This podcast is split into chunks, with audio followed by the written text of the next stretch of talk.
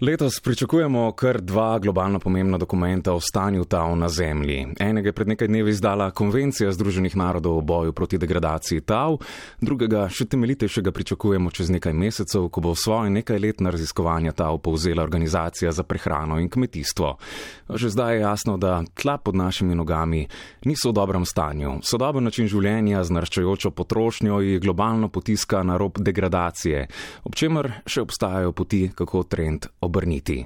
Zakaj je naš odnos do tal tako na tleh in zakaj tlom gorijo tla pod nogami, poizvedujemo v tokratnem vročem mikrofonu Maja Ratej.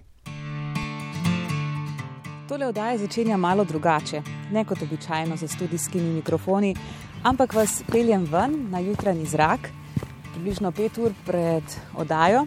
Zdaj le pešačite z mano med polji rodovitne ljubljanske kotline in zdaj le se bom sklonila, da zajamem prgišče prsti. Hm. Ker eh, težko si je predstavljati, da je ta rjava gmota, ki bi jo lahko preprosto skranila v kozarec, nastajala cela tisočletja in da teh nekaj žlic, te rjave snovi v mojih rokah, hrani in oziroma nudi dom milijardni populaciji. Z enako vznesenostjo, kot opazujemo nebo nad nami, bi lahko kdaj pogledali tudi v tla. Vso mojo delovno dobo se stalno čudim, kako to slabo poznamo, to, kar imamo pod nogami in od česa je naše življenje na kopnem odvisno. Ne? Ker predstavljajte si, da prideš na kopno in vidiš golo skalo, torej bolj malo bi lahko in slabše bi živeli, če sploh ne. In samo tista tanka odeja zemlje in vse, kar je v njej torej ta, ta kompletna tla omogoča življenje na kopnem. In če mi to degradiramo, eh, seveda življenje ni takšno, kot bi moralo biti. Degradacije so pa dejansko en velik problem in jih je mnogo v različnih vrstah rabe tal. To je Borod Vrščaj, ki na Kmetijskem inštitutu v Ljubljani vodi oddelek za kmetijsko ekologijo in naravne vire. Področja, ki ga zanimajo, so tla, pedologija, varstvo okolja, raba in varstvo tal, informatika tal in okolja. Naslikajva ne poslušalcem, kako dolgo je pravzaprav potrebno, da nastane ena taka rodovitna prst, ki potem nosi celotno civilizacijo. Recimo, govori se najverjetneje za toliko in toliko centimetrov, toliko in toliko tisoč let ali nekaj podobnega.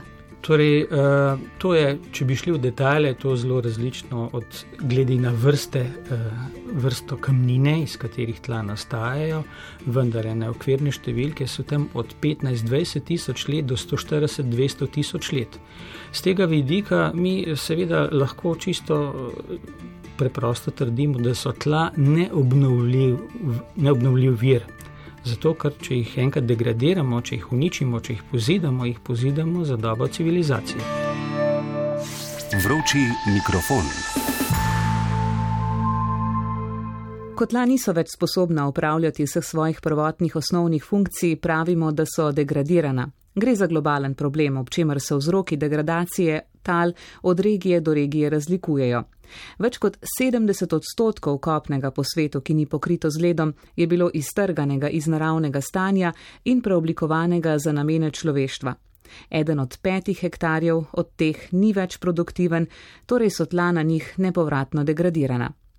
Nedavno so v okviru konvencije Združenih narodov o boju proti degradaciji tal objavili poročilo, ki poziva k takojšnjemu ukrepanju za rešitev tal po svetu. Prav zdaj v Abidžanu v slonokoščeni obali poteka zasedanje konvencije, o tam se mi je oglasil tudi vodilni znanstvenik pri konvenciji Joseph Baron Orr. It is quite alarming. It's huge. I mean, if, if we stick with business as usual through 2050, the projections Je, res je alarmantno. Če ostanemo pri trenutnih praksah izkoriščanja tav, bo do leta 2050 po projekcijah degradiranih še dodatnih 16 milijonov kvadratnih kilometrov tav po svetu, kar je približno toliko, kot je velika celotna Južna Amerika. To je ogromno in skrb vzbujajoče, saj je to realnost, ki nas čaka za ovinkom.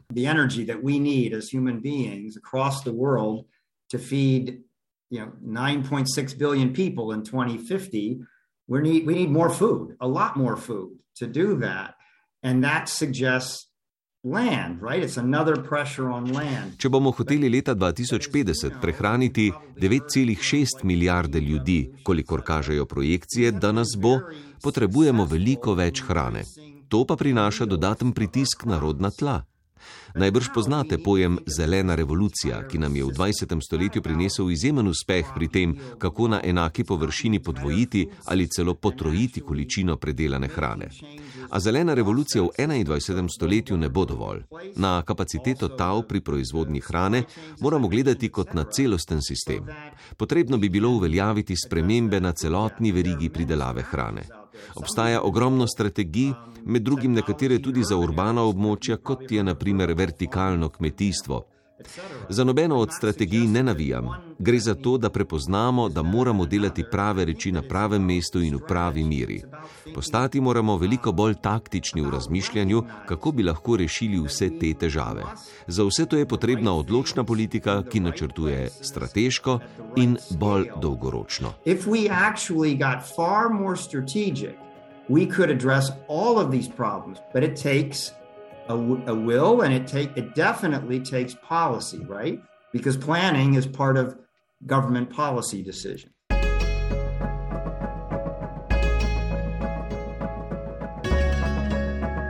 Po orovih besedah bi se morala ta hip prav vsaka država sveta ukvarjati z reševanjem tal. Medtem ko se z najhujšo degradacijo spopada velik del Afrike, imajo države po svetu vsaka svoje težave. V Sloveniji tla ogroža predvsem dvoje: pozidave in onesnaževanje. Zato jo v nadaljevanju oddaje podrobneje izpostavljamo. Po besedah Borota Vrščaja je krivec za onesnaževanje pri nas v veliki meri človeški pohlep. Ta je namreč kriv za vse te globalne degradacije in globalno ogroženost. Vedno nekako rezultira um, te degradacije, služijo v navednicah tistemu, ki s svojim pohlepom mastno služijo, velika večina pa trpi zaradi tega. Ne? Torej, tega je vse več.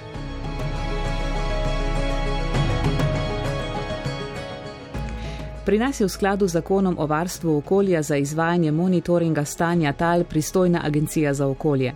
Njihovi strokovnjaki s posebnimi postopki vzorčenja na terenu ugotavljajo okoljsko škodo na tleh, pokličajo jih tudi ob morebitnih okoljskih nesrečah. Zato sem se po nekaj pojasnil odpravila k sogovorniku na agencijo. Tadej Hiti uh, trenutno upravljam funkcijo vodja sektorja kakovosti tal uh, na agenciji za okolje.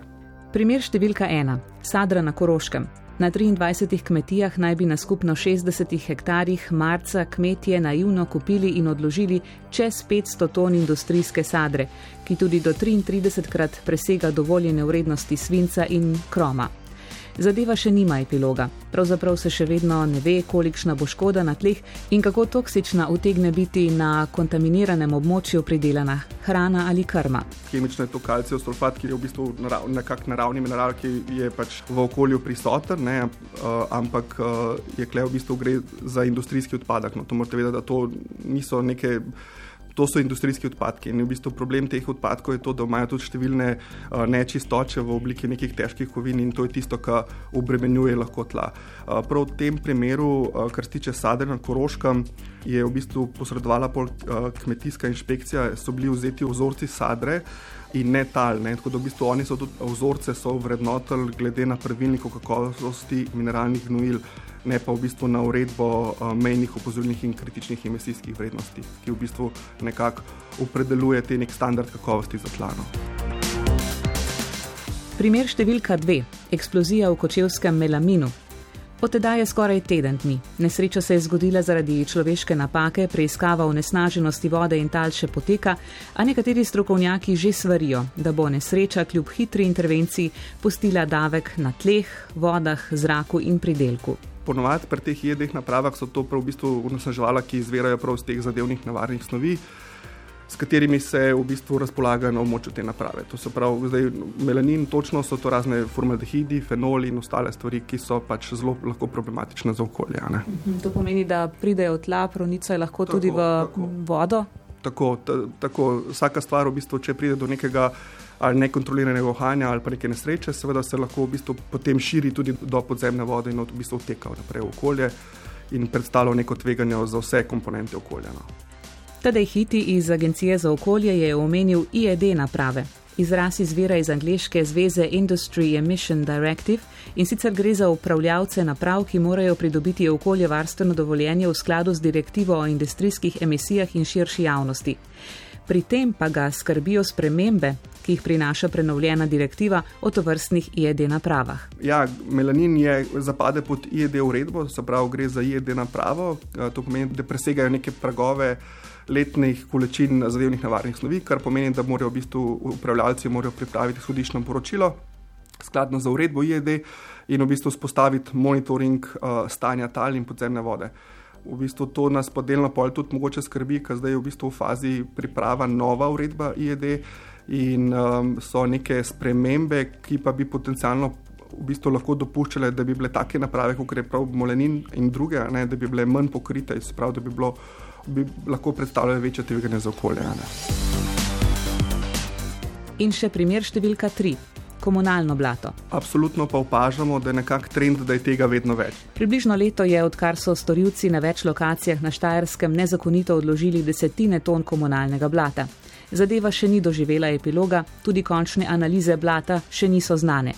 Pristojni organi so sicer pod nadzorom Arsa oduzeli vzorce blata in tal, ki so pokazali na povišene vrednosti težkih kovin, na podlagi tega ter ker blato čistilnih naprav predstavlja tudi vir mikrobiološkega onesnaževanja, je bila na omenjenem območju izvedena sanacija, ki je vključevala odstranitev nezakonito odloženega blata in kontaminiranih tal. Gre za odpadek, ne, ki ga treba v bistvu, ki to področje ureja uredba o odpadkih. Ne, v bistvu, uh, vemo, da brata čistilnih naprav, razni mulji so v bistvu dostkrat preobremenjeni z nekim težkim kovinami in v bistvu njihov dejansko. Eh, sledi pol uničenja takih, takega materijala. Ne. Se redko, kdaj, ko ti materiali so primerni, se lahko pol v bistvu um, predelajo v kompost. Uh, žal so pač cene te predelave oziroma tega sežiga so šle v nebo ne, in v bistvu se te uh, prevzemniki se v bistvu um, posamezniki se lotevajo različnih pristopov, v bistvu čisto iz neko, nekih lastnih interesov, take stvari pol zavržejo okolje in na koncu dneva v bistvu tako rekoč, je okolje kulturalna škoda. Ne. Ob tem pa Tadej Hiti iz Agencije za okolje v zvezi z odpadki opozarja še na noviteto, ki za zdaj še ni dovolj preverjena.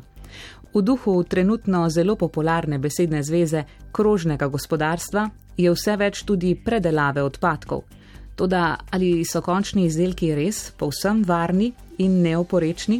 V tej luči teh odpadkov je treba pač omeniti to, da je vedno več tudi teh raznih proizvodov, ki so izvedeni po določeni recepturi.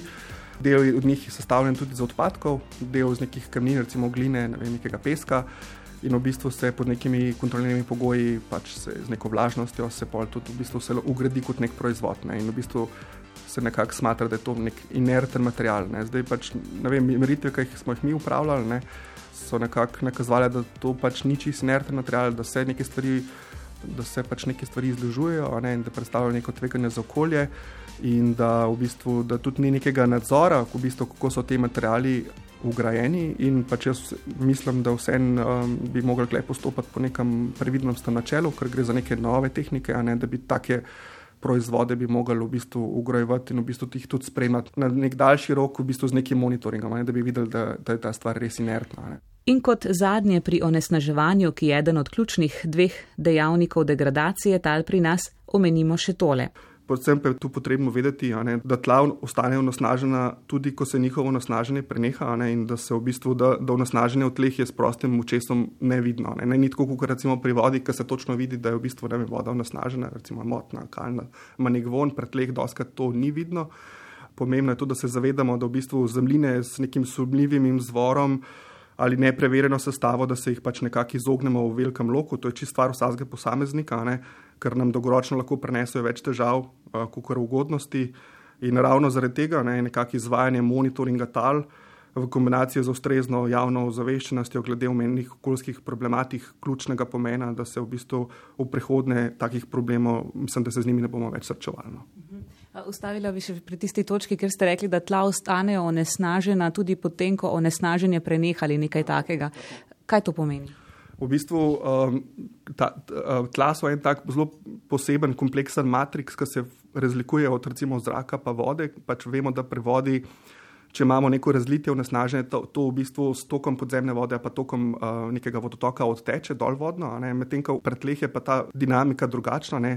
Sicer je odvisno, kakšna onesnaževala pač imamo upravka, ampak dejansko velik. Teh onesnaževal dejansko ostane v tleh. Mi vedno pravimo, da imajo tla nek spomin, ker dejansko te stvari stanejo v tleh. In v bistvu tudi, če se nek vir onesnaženja, če ga odstranimo, ne, ta tla v bistvu to, to onesnaženje še vedno imajo in v bistvu rekel, so lahko onesnažena in niso primerna za ali predelavo ali pa za vem, filtracijo vode. Pa to govorimo o letih, desetletjih, stoletjih? Stoletjih lahko. Tako, se odvisen spet od uh, same, samega uh, vrste onesnaževala, ampak dejstvo je to, da te, te stvari ostanejo in v bistvu niso tako zelo mobilne, a ne in v bistvu ostanejo tlehno, so zaklenjene. Policija je v letnem načrtu dela za letos umestila tudi nalogo okrepitev preprečevanja, odkrivanja in preiskovanja okoljske kriminalitete. Načrtujejo ustanovitev skupine za preiskovanje okoljske kriminalitete v generalni policijski upravi. Naloge skupine bodo predvsem spremljanje problematike na območju naše in sosednjih držav, načrtovanje aktivnosti v boju z opor okoljsko kriminaliteto, usmerjanje dela policije in vodenje zahtevnejših preiskav okoljskih kaznjivih dejanj, so še pojasnili na generalni policijski upravi. Vroči mikrofon.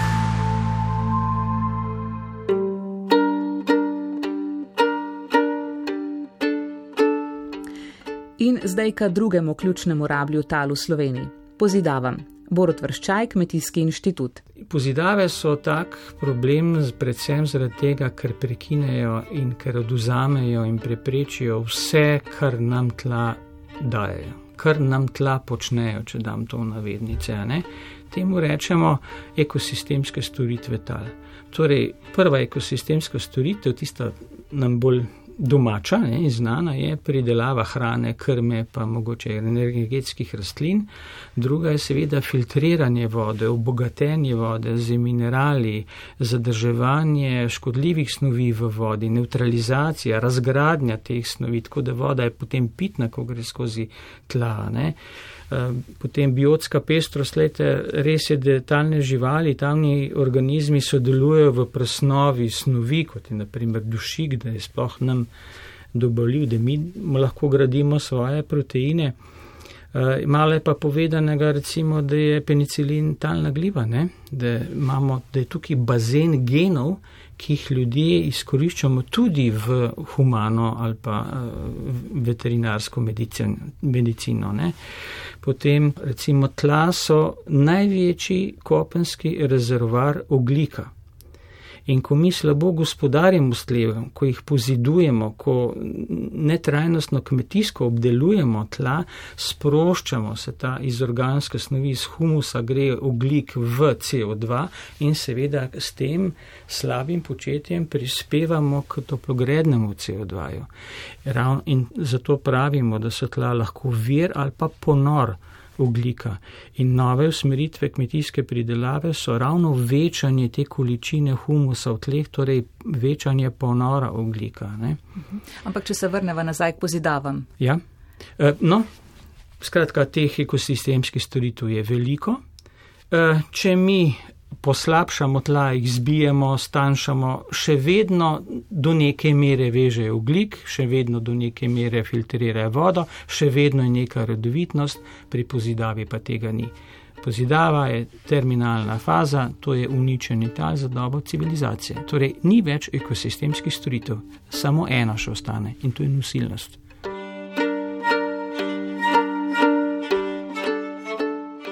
Pa je pri nas najverjetneje predpostavljam, je, imamo strategije, ki se ukvarjajo s tem, kako se oddeljuje ta prst oziroma tla, kje se bo pozidalo, kje se ne bo. So te strategije ustrezne, so v skladu s tem, da zavarujemo kar se da velik delež naših um, kakovostnih tal ali ne in kako jim pravzaprav sledimo.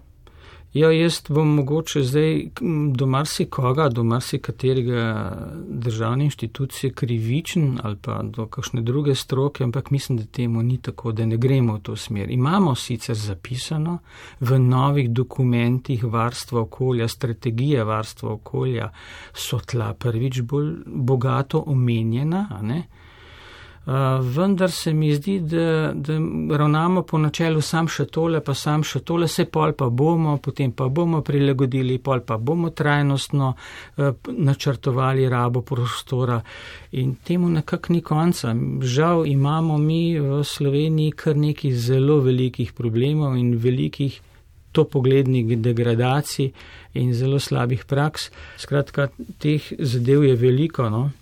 Nasplošno, ne, Slovenija, čeprav se imamo za neko zeleno in tudi kmetijsko destinacijo um, v primerjavi z državami in uh, regijami v soseščini, nekako ne gospodari z nekimi najbolj uh, rodovitnimi tlemi. Ne. Vi ste mi zadnjič dali primerjavo s Packo nižino, ne, kjer so številke precej drugačne kot pri nas. Res je, Packa nižina ali pa recimo, če bi šli na vzhod uh, v Hrvaško, Slovenijo ali pa na Mačarsko.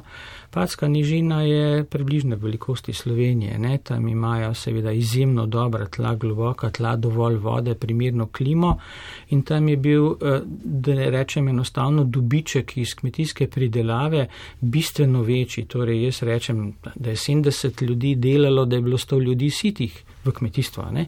In tistih ostalih 30 se je ukvarjalo s tehniko, z znanostjo, z umetnostjo. Ne? No se zadnje je ta vrsta ekstra profit financiral vso to renesanso, vse te kipe, vse te freske, ne? ki jih poznamo in se jim dan današnji čudimo.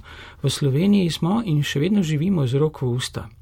In naša, ta trenutek nas domača gruda ne more prehraniti. Mi imamo premalo dobrih tal. Ne, ne govorim o kmetijskih zemljiščih, govorim tudi o tleh, torej vse ostale ekosistemske storitve. In torej v Sloveniji imamo premalo dobrih zemljišč in zanimivo je, da je, jaz sem naredil neko analizo že 2007. veliko več pozidamo dobrih tal kot slabih. Žal.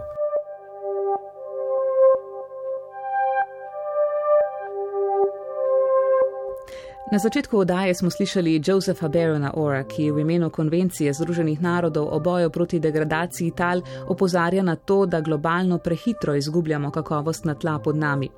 Poročilo, ki so ga ob tem izdali v konvenciji, je polno nasvetov, kako degradacijo ustaviti in ob tem celo profitirati. So let's start with governments. The, the most important thing that we must do immediately is stop converting natural areas for other needs because there's not enough left. Začnimo pri vladah posameznih držav. Najpomembnejša stvar ta hip je, da prenehamo pretvarjati naravna območja v območja, ki jih izkoriščamo za svoje potrebe ni jih več veliko ostalo.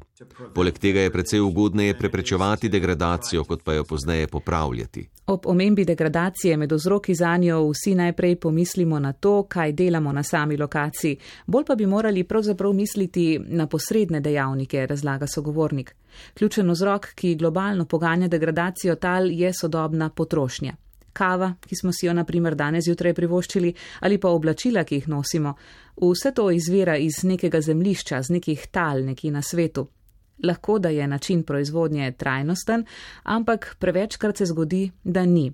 In to globalno poganja degradacijo tal. But even as we stop that conversion of land, we need to really invest in restoring degraded land to meet future needs. Z vlaganjem v regeneracijo degradirane zemlje bi pravzaprav morali vlagati v 600 milijonov družin, ki kmetujejo po svetu. Spodbujati bi jih morali k bolj trajnostnim praksam kmetovanja. Prav vsak si najbrž želi, da bi naredil nekaj dobrega za planet a zato moramo imeti uzakonjene ustrezne politike, finančne spodbude, ki bi jim omogočile normalen prehod iz zastarelih in slabih praks na bolj trajnostne in dolgoročno koristnejše in tudi bolj dobičkonosne prakse. Economically profitable. Priporočila, kako ohranjati kakovost na tla, kako jim povrniti vitalnost, poznajo in izvajajo tudi v Sloveniji. Dober dan, gospod Črnilič, če se vas našla. Biodinamičnega kmetovalca Zvoneta Črniliča sem srečala na Ljubljanski tržnici. Lepo zdrav, ja, danes imam jagode, nekaj malega bilo tudi zelenjave, v glavnem so pa zdaj jagode aktualne. Ob sredah in petkih se v prestolnico pripelje z dečnega sela pri Brežicah. Ja, imamo kmetijo, kar precej veliko, v glavnem v najemu, 7 hektarov lastne zemlje, v najemu pa še 40 hektarjev. Kakšno vrednoto vam predstavlja prst oziroma zemlja, tla pod nami? Meni je to nekaj svetega ne? in zelo, zelo sem užaloščen, kako se danes dela za zemljo. Ne? Tako kot so rekli nekoč, da pa ne bom zdaj te besede izgovoril, v glavnem zelo grdo se dela za zemljo, zemlja se preveč zastruplja, se uničuje. Današnje kmetijstvo gre popolnoma v napačno smer.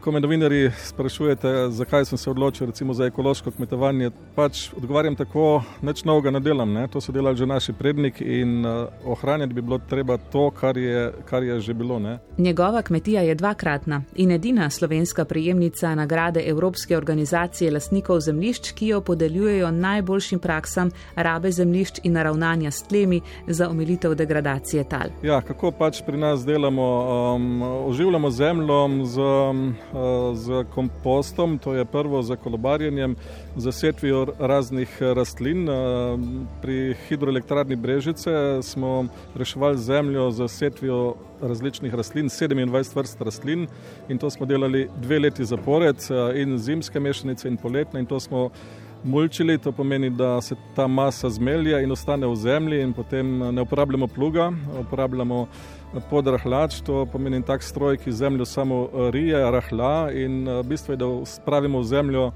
zrak.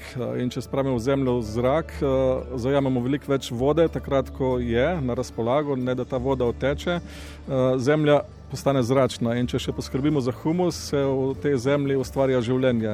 V življenju je ogromno mikroorganizmov in vseh biti, ki so nujno potrebne v zemlji. In ko imamo mi zemljo zračno, humuzno, potem iz nje lahko nekaj dobimo. Trenutno je v Sloveniji 55 tisoč standardnih kmetij. 3500 ekoloških in le 40 z biodinamičnim certifikatom. Če želimo v državi bolj dejavno ohranjati kakovost na tla, bi bilo treba ob vsem naštetem začeti med drugim spreminjati tudi tole pravkar slišano razmerje.